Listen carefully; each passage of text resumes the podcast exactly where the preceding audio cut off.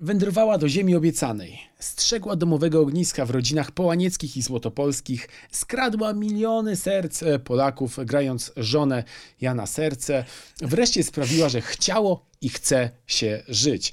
W przyszłym roku zobaczymy ją w pierwszym polskim filmie platformy streamingowej Viaplay. Film nazywa się Klątwa, a bohaterką nowego odcinka podcastu Mój ulubiony film jest Anna Nechrebecka. Dzień dobry. Dzień dobry, dzień dobry, witam.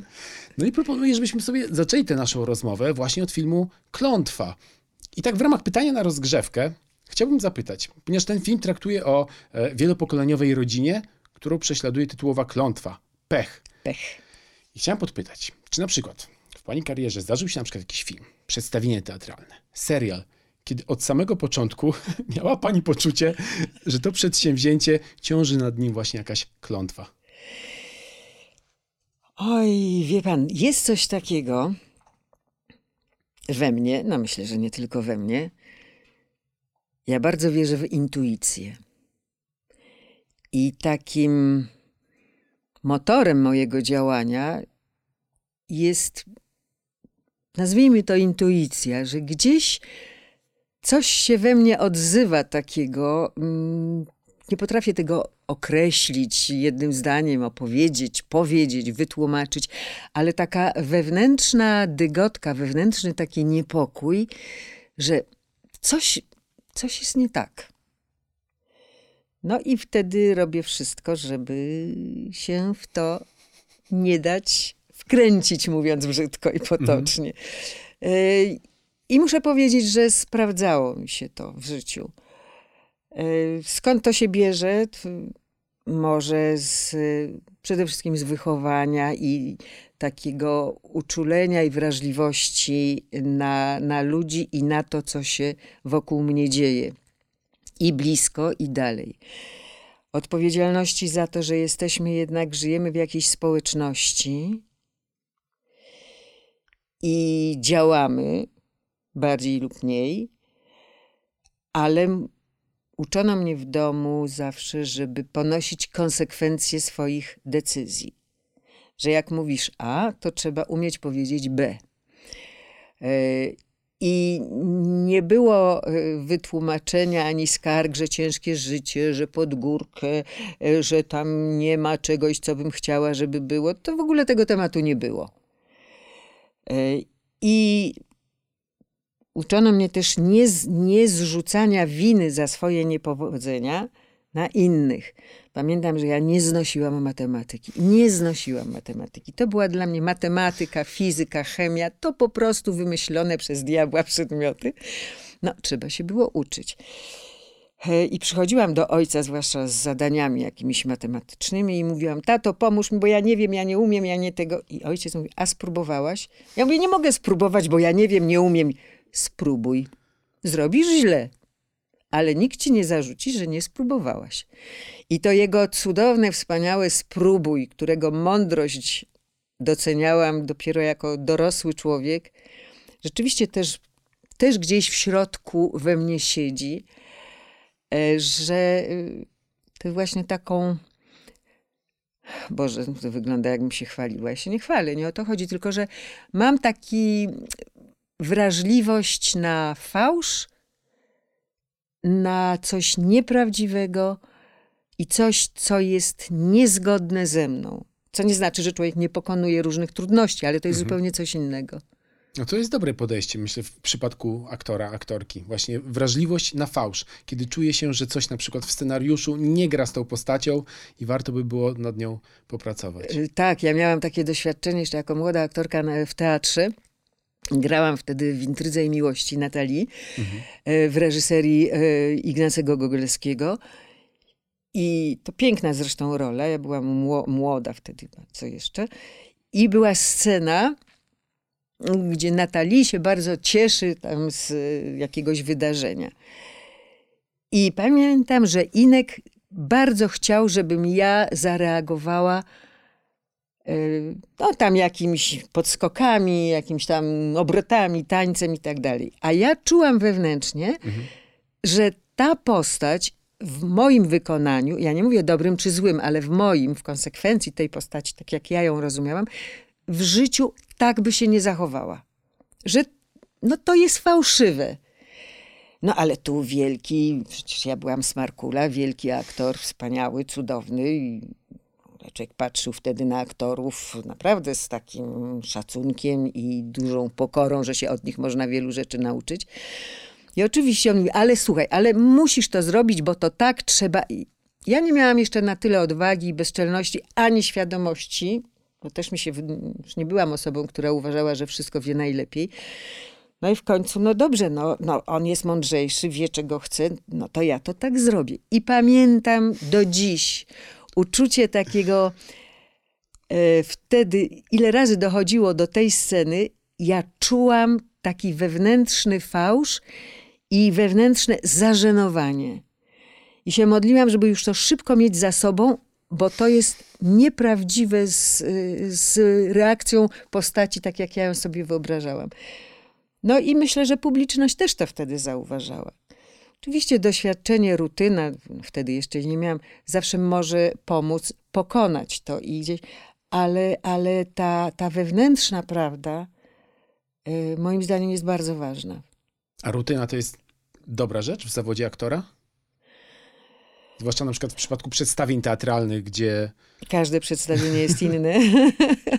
Każde przedstawienie jest inne i rutyna. Rutyna no to jest takie dosyć chyba szerokie pojęcie, ale jeżeli ktoś na serio traktuje ten zawód i pracę i pracę nad postacią, którą gra, to rutyna niewiele pomoże w budowaniu, no bo wtedy te postaci stają się też nieprawdziwe, tylko rutynowe. Jest to powielanie jakiejś postaci, jakiejś osobowości w różnych sytuacjach, tak? Każda, tak jak każdy człowiek, tak samo każda postać, którą y, odtwarzam jako aktorka i którą aktor w ogóle odtwarza, jest inna, ma swój charakter, ma swój ciąg wydarzeń. I, i, to, jest, to jest coś innego. Oczywiście wyposaża się, im człowiek jest bogatszy we, wewnątrz, im ma większe doświadczenie i ciekawszy punkt obserwacyjny, tego wszystkiego, co się dzieje naokoło, różnych zdarzeń, to tym więcej ma tej bazy, z której czerpie. Ale to jest tak. Teraz pracowałam, mm, znaczy pracowaliśmy y, z Iwanem Wyrypajewem w teatrze nad świetnym zresztą spektaklem Wujaszek Wania. Mhm. E, I na ogół wujaszek Wania, prawda, i to, to się gra, cztery akty, trzy godziny i wszyscy przeżywają. I, a on nam raptem kazał grać przede wszystkim gramy bez przerwy. I sztuka trwa bez ani jednego skreślenia, trwa niecałe dwie godziny. Mhm. Co jest po prostu nie do pomyślenia, mając w pamięci wszelkie inscenizacje. I on mówi, widza nie obchodzi, co ty czujesz, grając daną postać, natomiast obchodzi widza to, co napisał autor – i ty musisz przekazać to publiczności, ale nie jako ty, że ty wchodzisz jako XY, prawda, aktor o takim czy takim nazwisku i cierpisz, myślisz, cieszysz się. To widza nie obchodzi, jak ty to Ty musisz tak podać ten tekst, żeby widz to odczuł. Mhm. I dlaczego w tym wypadku Czechow napisał to tak, a nie inaczej? I wierność, wierność autorowi. I ja myślę, że to jest wspaniała rzecz. Starać się odczytać autora, dlaczego on to tak napisał, a nie inaczej. Dlaczego akt czwarty jest aktem czwartym, a nie aktem pierwszym. To w takim razie, jak wyglądało odczytywanie scenariusza filmu Klątwa? Jaki o. charakter skrywa pani bohaterka? Och, proszę pana, moja bohaterka jest wspaniałą postacią, oczywiście. proszę pana. Ma siostrę bliźniaczkę, ma córkę i ma dwie wnuczki. Czyli podwójna rola. Potrójna. Potrójna. Siostra, mhm. matka i babcia w jednej osobie. No tak, ale oprócz tego, że zagrała pani jedną bohaterkę, zagrała też jej siostrę bliźniaczkę, czyli... Nie, nie, nie, nie, nie. Siostrę bliźniaczkę grałam wspaniała, cudowna Iwona Bielska, także to nie jest tak, że ja grałam też A, siostrę to nie są bliźniaczki jedno jejo. Nie, nie, nie, nie, ale bliźniaczki, no i też z różnymi charakterami. Jak to w życiu, rodzeństwo też jest różne, prawda, mają różne charaktery. Nie, ale tak serio, to jest y, osoba, która zawsze miała e, taki żal do życia, że zawsze, zawsze jest tą drugą. Zawsze jest tą drugą. No i postanowiła troszkę się nie zgodzić z tym i wziąć troszkę los w swoje ręce i może, może uda jej się troszkę dowartościować siebie i, i, pokazać, że ona też ma swoje jakieś życie i też coś potrafi. A jak to się skończy, to zapraszam do obejrzenia filmu. Na planie filmu Klątwa spotkało się kilka pokoleń fantastycznych aktorek. Tak. E, Danuta Stenka, Vanessa Aleksandra, e, Agnieszka Więdłocha. No i ciekawi mnie, jak wyglądało to spotkanie i czy szybko narodziły się, pojawiły się w powietrzu iskierki emocji tak potrzebne do zrobienia dobrego filmu. Gdyby iskierki się nie pojawiały, byłaby to strasznie ciężka praca praca, więc iskierki się pojawiają. Są to różne iskierki, są małe, duże, jasne, ciemne i tak dalej, ale te iskierki są i wtedy się nawiązuje wspaniałą pracę. Każda z nas jest zupełnie inna. E, każda, każda grała inną postać, ale coś się wspólnie łączyło. Jednak było to, była to rodzina bardzo bliska. No i po prostu był ten pech. Był ten pech, który stał się głównym bohaterem. Pech Pecha, jak rozumiem, nie było na planie e, filmu, a mnie w ogóle ciekawi, czy lubi pani gatunek komedii? Bo to nie jest e, taki gatunek, w którym często można panią zobaczyć, zwłaszcza na ekranie. A wie pan, ja podobno jestem panienką z dworka i, i to w ogóle, ach, ach, jak zagrałam... Nie wolno, nie, jak zagrałam, Jak zagrałam e, w Janie Serce współczesną rolę, to spotkałam się z takimi... Jak to? Współczesny film? Nie w kostiumie? I tego? No, uważam, że Małgosia w Janie Serce była bardzo, bardzo, bardzo uroczą i, i sympatyczną postacią. I nie przeszkadzało, że bez kostiumu. Oczywiście to, to jest taki żart. Czy lubię komedię, czy lubię... Lubię dobrą komedię i lubię dobry dramat. Mhm. E,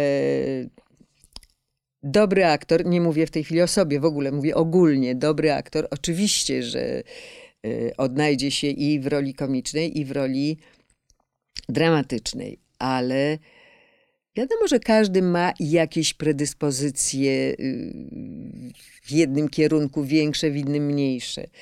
Mm, doświadczeni aktorzy i, i słusznie mówią, że komedia jest trudniejszą y, formą do zagrania. Coś w tym jest, na pewno, bo to nie chodzi o to, żebym ja się śmiała z siebie, tylko zrobić coś tak, zagrać tak, żeby widz się śmiał. Ale komedia to nie zawsze musi być e, błazenada. Mhm.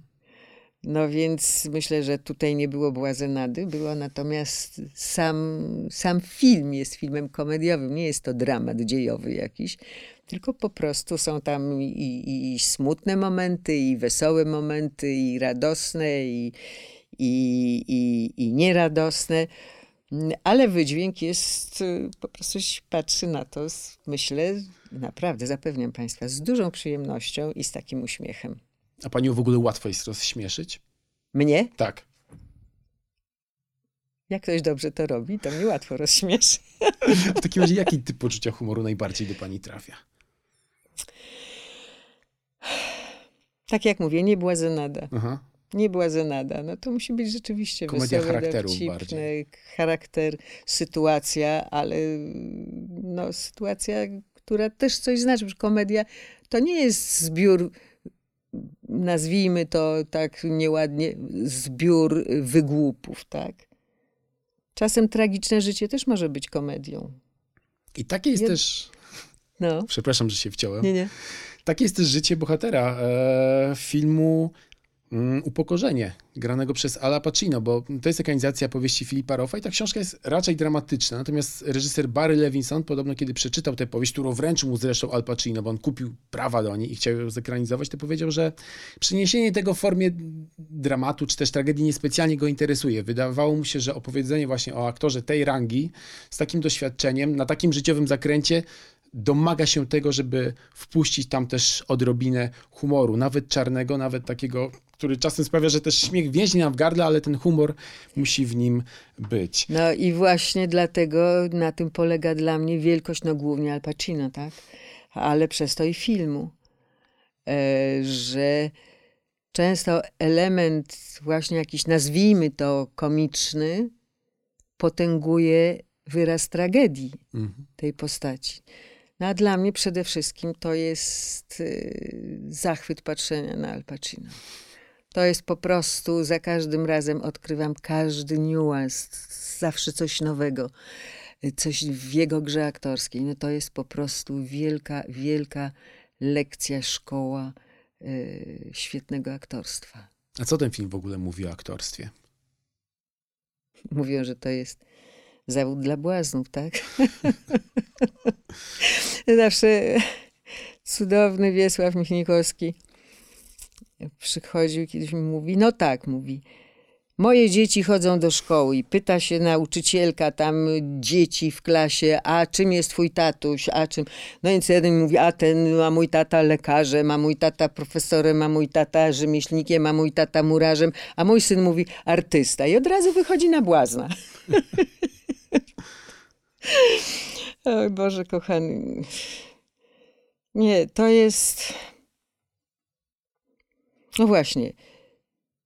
Czym jest konkretnie? Y, y, y, bo uleciało mi w tej chwili to, co, to, to, to treść pytania, że właśnie błazen. Co ten film mówi o aktorstwie i czy mówi co? też uczciwie i szczerze o blaskach i cieniach aktorstwa? O, aktorstwo to, jest, to są wyłącznie blaski i cienie. To nie jest pasmo Szarości sukcesów. Nie ma. Szarości, szarość to jest niebyt. Szarość w aktorstwie to jest niebyt. To jest takie powielanie y, czegoś, co jest i tak, no, tak, się, tak, się, tak się ta taśma toczy, tak? Ta taśma życia, taśma życia zawodowego, taśma istnienia, tak się y, toczy, toczy, toczy.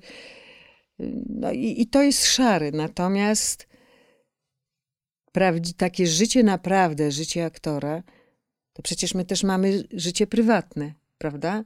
Mamy też normalne życie. Nam się odbiera prawo do normalnego życia. Się wydaje, że aktor to jest jakiś człowiek, który y, chodzi na jakimś piedestale, nie zna, y, nie wie, co to jest normalność, co to jest życie, że on jest taki ponad człowiek trochę. Y, może teraz, teraz może to trochę się zmienia. No, aktor jest bardziej dostępny przez te wszystkie mass media i tak dalej, przez te, przez te y, Facebooki, Instagramy i tak dalej. Jest taki sam jak gdyby odziera się ze swojej prywatności. Pokazuje wszystko, a ja uważam, że aktor ma tak samo prawo do normalnego życia i ja na przykład nie chcę się dzielić tym, co jest moje i prywatne, z ludźmi ogólnie. To jest moje, mam, mhm. mam do tego prawo. Mam do tego prawo. E, dlatego y, i nieraz są upokorzenia, nieraz są bardzo bolesne momenty, e, bo nie jest prawdą, że jeżeli się pracuje nad jakąś postacią, to gdzieś tam w domu po cichu, nie wiem, nie wiem, robiąc podstawowe rzeczy, gotując obiad, prasując, czy, czy, czy piorąc albo sprzątając, że gdzieś ta rola, nad którą się pracuje, w głowie nie siedzi. To pamiętam taką opowieść o Mariuszu Dmochowskim. On się przygotowywał do, do roli, już nie pamiętam jakiej, i jego żona mówiła: Słuchaj, no nie wiem, Mariusz przychodzi, coś się z nim dzieje. Chodzi o lasce, kuleje, mówi, ja nie wiem co jest chyba, no nie chcę iść do lekarza. I potem poszła na premierę, a Mariusz grał kulawego, chodzącego o lasce, chorego człowieka. I on w życiu codziennym gdzieś tam momentami łapał to, jak, jak człowiek, prawda, chory się zachowuje, co robi. Z tym, że to nie jest odgrywanie roli w domu, tylko to jest takie momentami, że łapie się, o Jezu, przeszło mi ten tekst przez głowę. Gdzieś tam, nie wiem, obierając kartę. I tak się składa te klocuszki w jakąś całość. Także z jednej strony oddziela się te sprawy zawodowe i budowanie postaci od życia codziennego, ale z drugiej strony gdzieś to zawsze, zwłaszcza przy budowaniu postaci, zawsze gdzieś tam się przewija w, w rzeczywistości i w życiu codziennym. A taką też inną miałam historię. Mhm. E, to już niedawno stosunkowo, kilka lat temu. Gdzieś biegałam, robiłam jakieś zakupy i tam u nas jest taki stragan i kupowałam Poszłam kupić warzywa i taki młody człowiek stoi i mówi, jest, pani Ania, no, no tak. No, no nie wierzę, nie wierzę. Jak ja tam powiem u mnie, że pani robi sama zakupy, to mi nikt nie uwierzy. Ja tak stanę mówię, dlaczego ja mam nie robić sama zakupów? I później spotykam się, bo do tej pory robię tam zakupy. I on mówi, wie pani, mówiłem u mnie na wsi. Nie chcieli mi wierzyć. Powiedzieli, że ja kłamię, bo to niemożliwe, żeby taka aktorka chodziła, dźwigała siatki, coś robiła. Dlaczego ja normalnie żyję? Mam te same wszystkie problemy, co każdy normalny człowiek. Taka Ale jest. z tego czerpiemy materiał też do budowania postaci. No właśnie, ale też czasami jest też trudno oddzielić pewnie to życie zawodowe od prywatnego, tak jak pani e, wspomniała. Czasami miała, czy też miała pani poczucie czasami, że być może to życie zawodowe zbyt ingerowało w tę prywatność, w takim sensie, że ta rola przenosiła się pewnie do domu, że cały czas za panią chodziła, że, że nie mogła się pani z nią rozstać. Ja starałam się y, oddzielać jednak bardzo życie, życie, życie prywatne, życie moich dzieci, życie w domu od y, spraw zawodowych. E, wiadomo, że życie się toczy bardzo różnie, e, ale jest coś takiego, w tej chwili mówię o teatrze, coś takiego, że no przecież też potem jesteśmy zmęczeni, ma- mamy swoje różne często problemy i sprawy jakieś do załatwienia. I pamiętam, że przecież są takie dni, o Jezus Maria, no jeszcze do teatru, nie, nie, jak, ja nie dam rady, za, nie mam siły. Wchodzi się do tej świątyni sztuki, tak się to kiedyś nazywało. Wchodzi się tam i w momencie, kiedy zamykam drzwi, ten świat zostaje gdzie indziej. Ten świat prywatny zostaje zupełnie gdzie indziej. Jak gdyby się odcina od tego. Po, poza, poza, poza, poza moją kontrolą. To, to nie jest kontrolowane. Po prostu się staje coś innego. No, Na pewno pan zauważył, czy słyszał pan na przykład, że e, e, chory aktor raptem w trakcie grania kicha, kaszle, coś. Nie, nie ma tego. Nie ma. To się jeszcze może stać za kulisami, tak? Czy przed hasłem kamera. Ale już pada to magiczne, magiczne słowo, Akcja. akcja I i, i nie ma. Ten, ten, ten świat prywatny zostaje gdzie indziej. Ja w ogóle o nim nie myślę w tym momencie. Na liście pani ulubionych filmów znalazł się również film, w którym wystąp- miała pani okazję wystąpić, czyli film Chce się żyć, z rolą, która przyniosła pani e, Orła. No i miała pani okazję występować z Dawidem Ogrodnikiem i o nim mówi się, że to jest taki aktor metody, który nawet pomiędzy ujęciami gdzieś tam potrafi być w tej roli, tak bardzo mocno się e, w niej zatracić i ta rola go pochłania. Czy obserwując go na przykład na planie zdjęciowym, też, też miała pani poczucie, że on jest ciut za głęboko na No, wie przykład? pan, to była wielka rola. Wielka rola to była rola bardzo trudna, już nie tylko psychicznie, ale też fizycznie. Przecież on grał ciężko chorego, autentycznego, ciężko chorego fizycznie człowieka niesprawnego. To też wymaga wielkiej pracy. Do tego to było oparte w dużym stopniu na autentycznej postaci, żyjącej jeszcze. Myśmy wszyscy poznali tego człowieka. Dawid się z nim spotykał wcześniej. I muszę powiedzieć, że to był film bardzo ważny pod wieloma względami. Przede wszystkim chyba był to pierwszy taki film polski, który mówił o ludziach z niepełnosprawnościami. On otworzył drzwi, że ludzie zauważyli, że to są przecież też normalni ludzie, którzy czują, mają swoje problemy, cieszą się, lubią się nawzajem albo nie lubią. Że oni żyją. Oni proszą, nie traktujcie nas jak małpy. My jesteśmy normalnymi ludźmi. My tak samo kochamy, tak samo nienawidzimy. My tak samo żyjemy. Dla nas wszystkich, tak mi się wydaje, dla całej ekipy było to olbrzymie doświadczenie. olbrzymie doświadczenie, które uczyło nas wielkiej pokory. Nas nikt nie uczy. Teraz to się zaczęło, tak? Ale nas nikt nie uczył obcowania z chorymi ludźmi. Człowiek z niepełnosprawnością w domu, w rodzinie był kimś wstydliwym. Uciekało się, chowało się takiego człowieka, prawda? Bo to było obciążające, wstydliwe dla rodziny i bolesne oczywiście. A przecież oni, oni są tak samo godni szacunku, normalnej rozmowy, tak samo reagują. Pamiętam szok, jaki przeżyłam, kiedy zaczęłam chodzić do tego ośrodka, gdzie y, byli właśnie y, ci dotknięci porażeniem mózgowym. Oczywiście są różne etapy, tak? I pani, która, lekarka, która się mną opiekowała i tam się uczyłam tego alfabetu Blisa, kontaktu z tymi ludźmi, przecież my nie obcujemy z nimi na co dzień. Oprowadzała mnie, żebym poznała różnych, różnych ludzi, czasem bardzo ciężko chorych. I powiedziała mi, a teraz pójdziemy do Arturka. Ja nie, nie ukrywam, że byłam w ogóle zszokowana wszystkim, bardzo poruszona. E, I mówię, dobrze, no to idziemy do Arturka. Mówię, Arturek kocha filmy. Poszłyśmy do Arturka. I ja tego w życiu nie zapomnę. Spotkanie tego ciężko chorego człowieka, który nie był w stanie mówić, bo nie mógł już, to był taki etap choroby.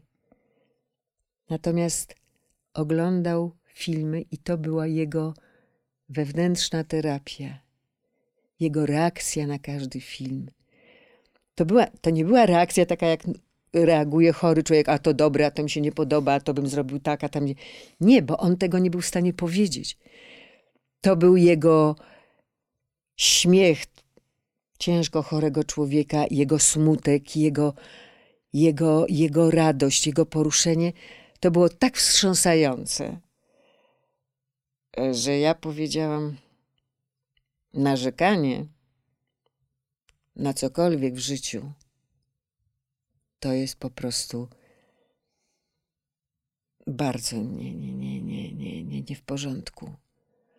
Dopiero jak człowiek się styka z, z chorym, naprawdę chorym człowiekiem i zaczyna go traktować jak człowieka, równego człowieka, to myślę, że my się musimy jeszcze bardzo dużo nauczyć. I ten film był o tym. A Dawid wspaniale, wspaniale to czuł wiedział, jakiego zadania się podjął, czego od niego oczekuje reżyser. No i moim zdaniem zrobił to rewelacyjnie. Do tego stopnia, że jak były sceny zbiorowe, był on i byli ci bardziej sprawni w tej chorobie y, pensjonariusze, to ludzie, którzy przyszli, nie odróżniali. Nie kojarzyli, że, że, że Dawid gra więc wymagało to od niego olbrzymiej pracy. I to nie było tak, że jest kamera stop i on mówi, no to dobra, to idziemy papierosem. Nie. Ten bagaż, który on wziął na siebie, on musiał w jakiś sposób zrzucić. I właśnie nie przez wyłup, tylko właśnie przez.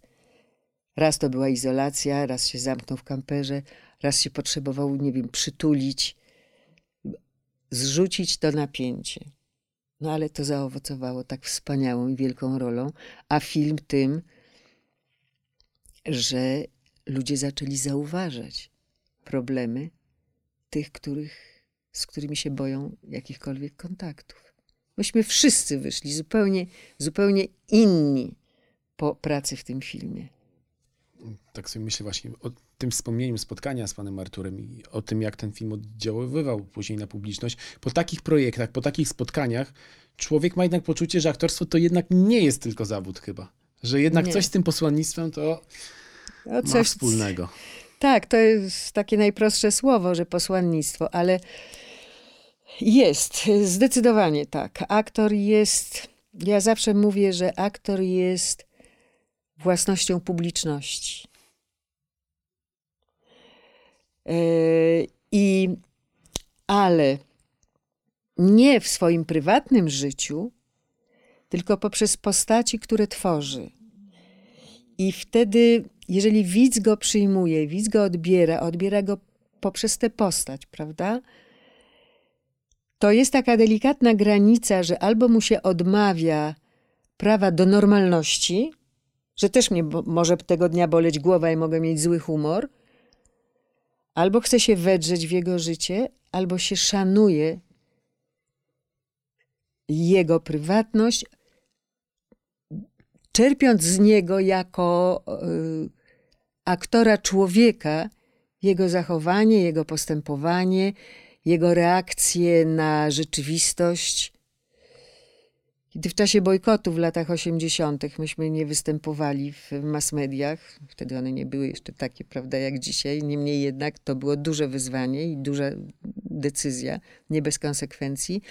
Zetknęłam się z takim pytaniem już w późniejszych latach 80., y,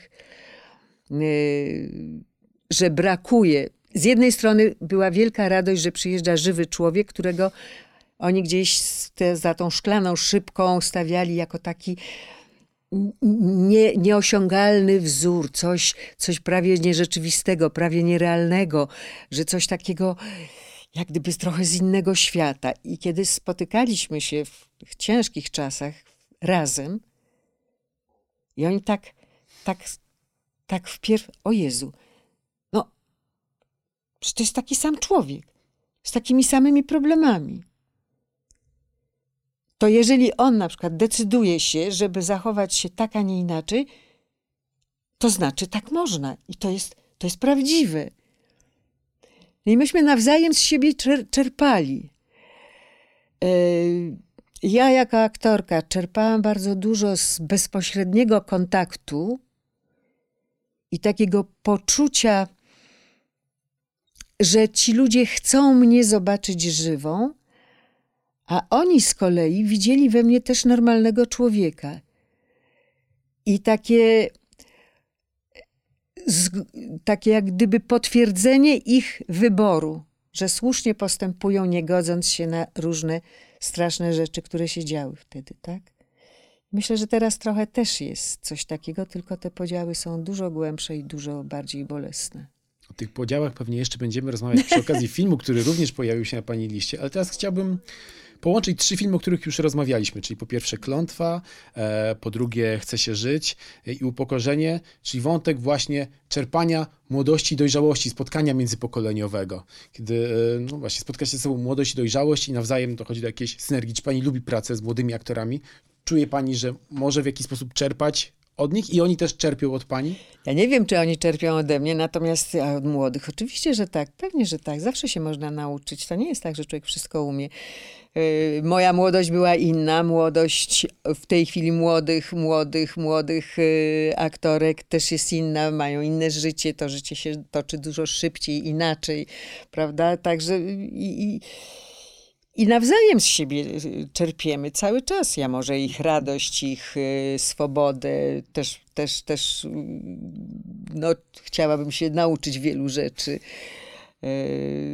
One może ze, ze mnie też coś czerpią, nie, tego nie wiem, no ale najważniejsze jest, żeby znaleźć wspólny kontakt, żeby nie być, ja tu jestem mądrzejsza, bo ja mam doświadczenia, a, mówi, a ja jestem lepsza, bo jestem młoda i mam więcej, więcej, więcej doświadczenia z y, dostępu do, do rzeczy, do których y, ty czy pani nie miała dostępu za czasów młodości. No jak spotkałam się z, z takim, no nie jest to wesoła rzecz, E, że studenci szkoły teatralnej nie wiedzieli, kto to jest Gustaw Holoubek. Ostatnio syn gościł pana Gustawa w nos. Janek. E, Janek. No on chyba wie, kto to był, kim był jego Prawdopodobnie tak. Ale to jest szokujące. No ktoś mi odpowie, że ja też może nie, nie, nie wiem, e, nie znam no, aktorów sprzed 60 lat kojarzę, 70 też, nawet sprzed 100 lat kojarzę. No ale wtedy może się bardziej zapamiętywało każdy dostęp do, do filmu, do, choćby do starego. Ja uwielbiałam stare przedwojenne filmy, uwielbiałam patrzeć na, na tych różnych aktorów. No ale taki aktor jak Junosza Stępowski, tak, czy jak Jaracz, No, ich, ich są rewelacyjni. Ja wiem, że młodzi, młodzi ludzie w tej chwili już tego nie pamiętają, ale ja, myśmy jeszcze się uczyli pokory do widza i pokory do sztuki. Mhm. A kiedy patrzy na przykład pani na to młode pokolenie aktorów, na przykład Vanessa Aleksander, Agnieszkę Więdłochę, Dawida Ogrodnika, to jakie widzi pani podobieństwa, różnice właśnie między na przykład swoim pokoleniem, które wchodziło, dajmy na to, w latach 60. w świat sztuki, a, a tych młodych? Bo czasem mówi się o tym, że, że ci młodzi są bardziej roszczeniowi, dajmy na to, że e, mają mniej kompleksów. Ma pani takie poczucie?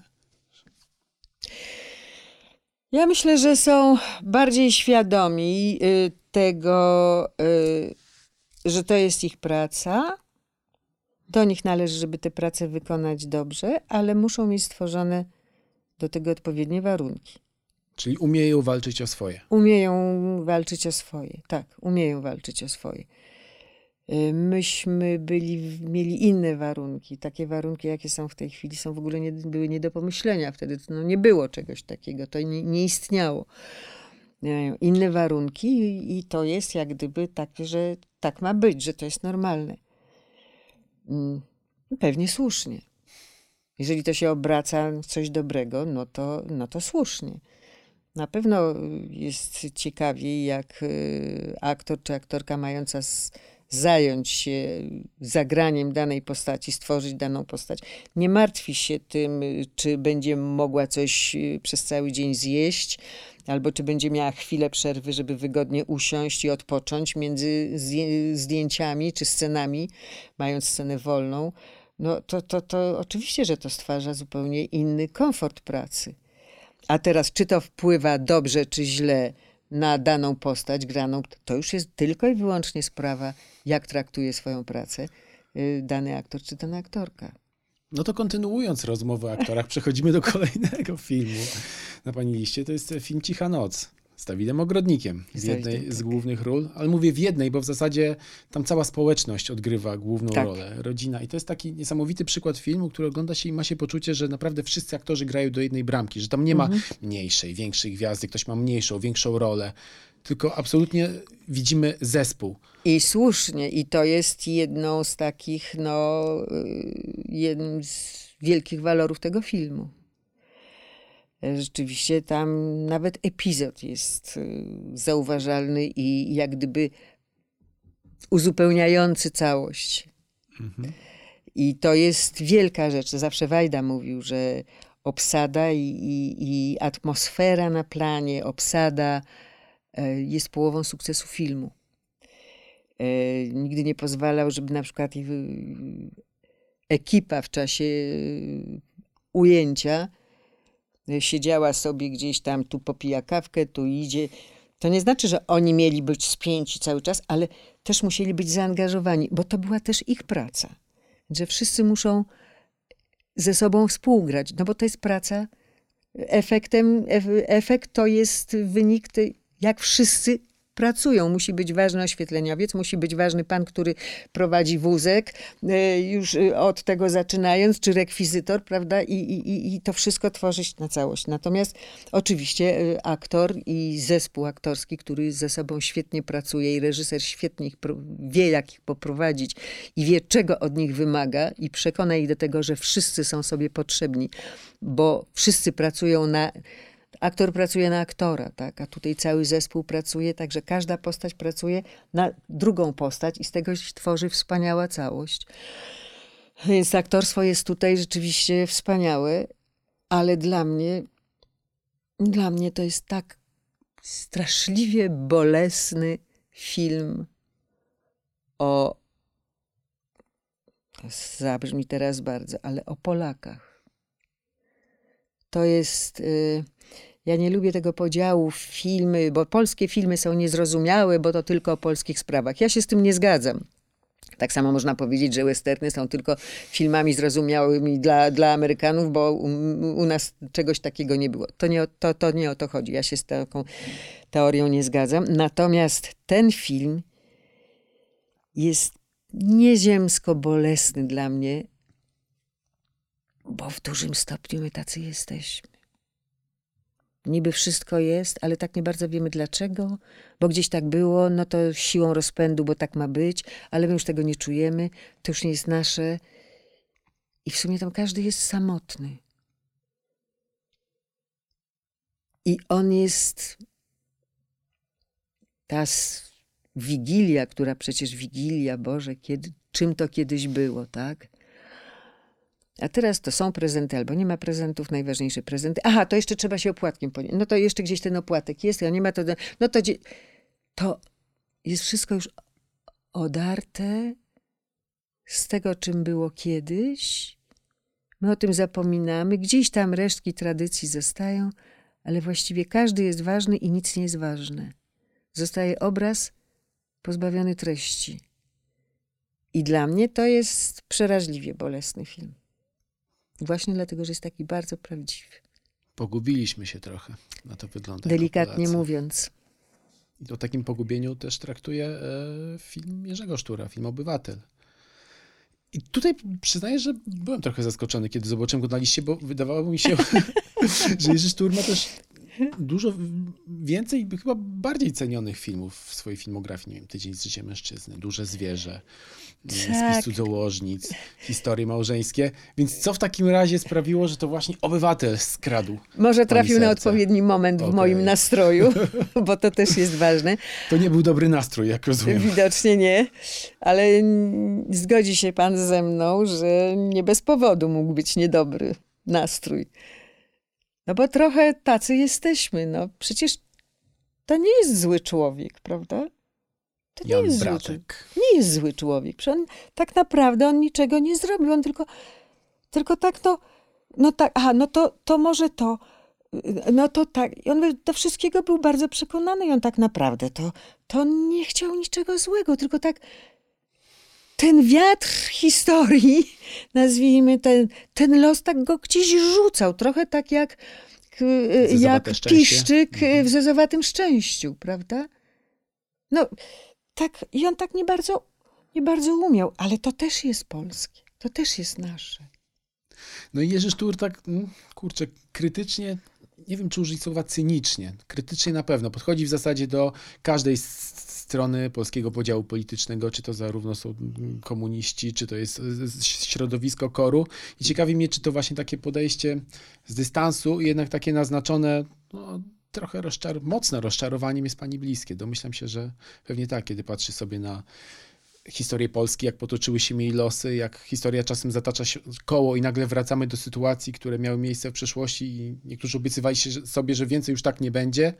Nagle wracają tylko e, po liftingu z nowymi aktorami na scenie politycznej, dajmy na to. Może ci aktorzy, nowi aktorzy bardzo sprawnie siebie kreują na aktorów, a zawsze się znajdzie publiczność, która tego typu aktorów będzie lubiła.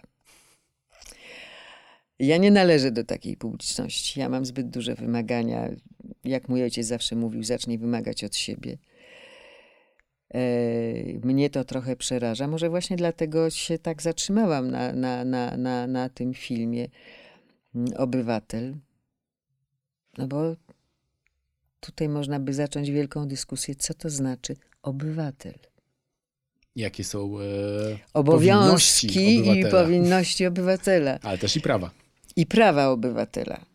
My uważamy, że prawo jest takie jak jakie jest dla nas wygodne, jakie jest dla nas dobre.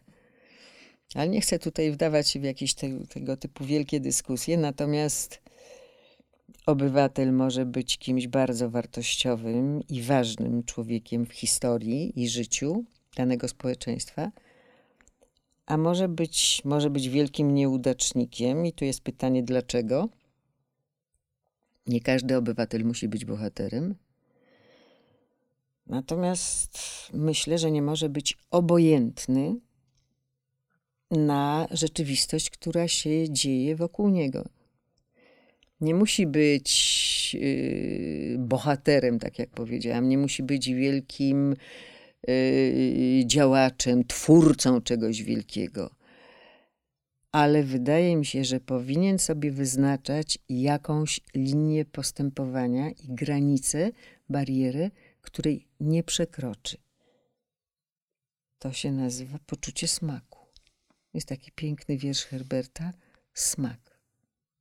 Pytanie, ile osób go zna?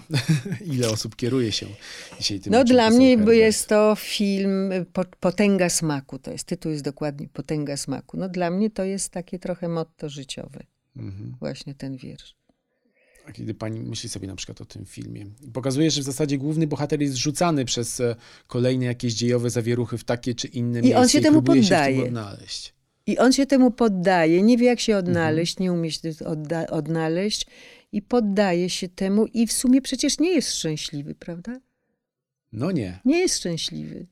ale też rodzi się pytanie, na ile w zasadzie nasz los jest w naszych rękach, a na ile w zasadzie e, jest, nie wiem, dziełem przypadku. Na ile my sami odgrywamy. Ja uważam, że bardzo ważne jest Rolę. właśnie na ile sobie pozwalamy i że czy staramy się odgrywać jakąś rolę w życiu, tylko tak jak mówię, nie, niekoniecznie bohatera, ale właśnie mieć te granice, której się nie przekroczy. Nie wiem, to jest wyczucie, to jest wychowanie, y, to jest y, poważne traktowanie słowa tradycja. Co to jest tradycja? Przecież myśmy nie spadli gdzieś z kosmosu jako nowe twory, prawda? To sobie ludzie sami sobie gotują taki, a nie inny los. Za nas nikt tego nie robi. To my robimy. Więc teraz może się warto zastanowić nad tym. Przecież jeżeli ja zamiatam ulicę, ja mogę to robić dobrze, albo mogę to robić źle. Albo mnie to upakarza, bo ja, prawda, tutaj tylko zamiatam ulicę, jestem nikim. Dlaczego nikim? Dlaczego nikim? Jesteś człowiekiem, natomiast od ciebie zależy, jak ty tę ulicę zamiatasz.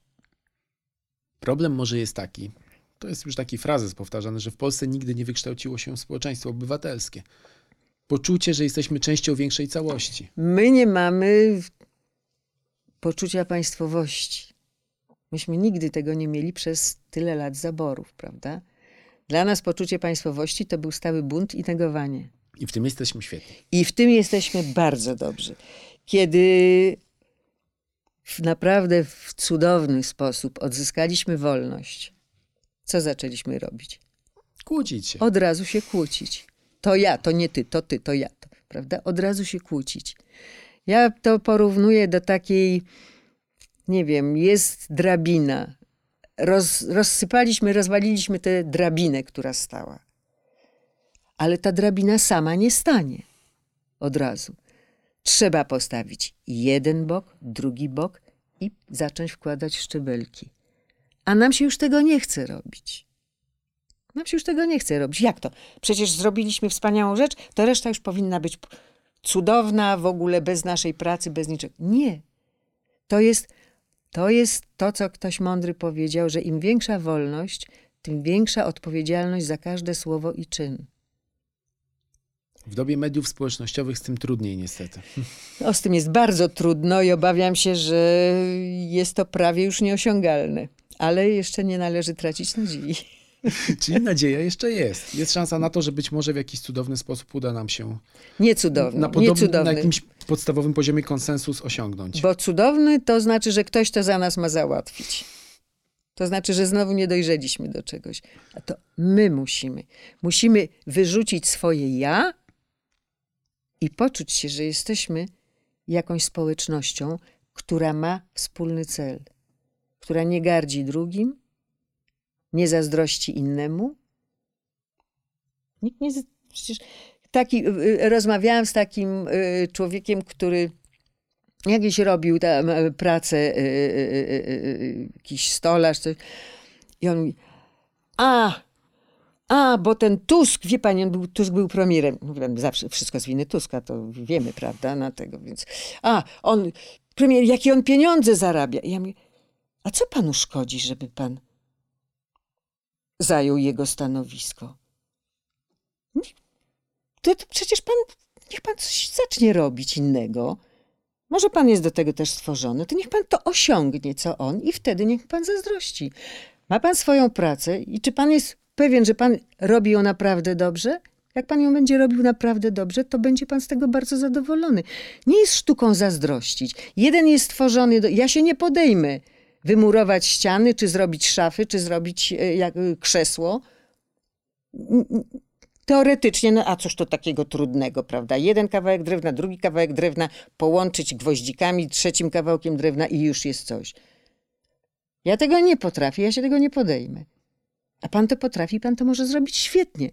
To dlaczego marzyć o tym, żeby być, y, zająć miejsce kogoś, kto coś osiągnął, też nie za darmo, prawda?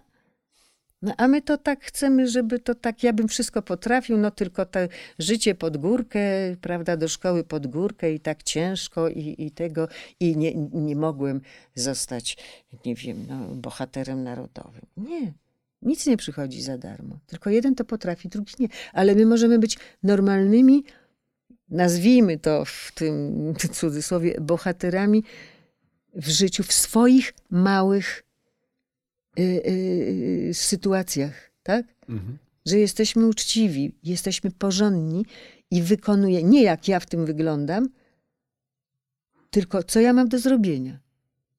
Odstaw ja na bok, a zrób dobrze to, czego się podejmujesz, to wtedy to ja zacznie istnieć.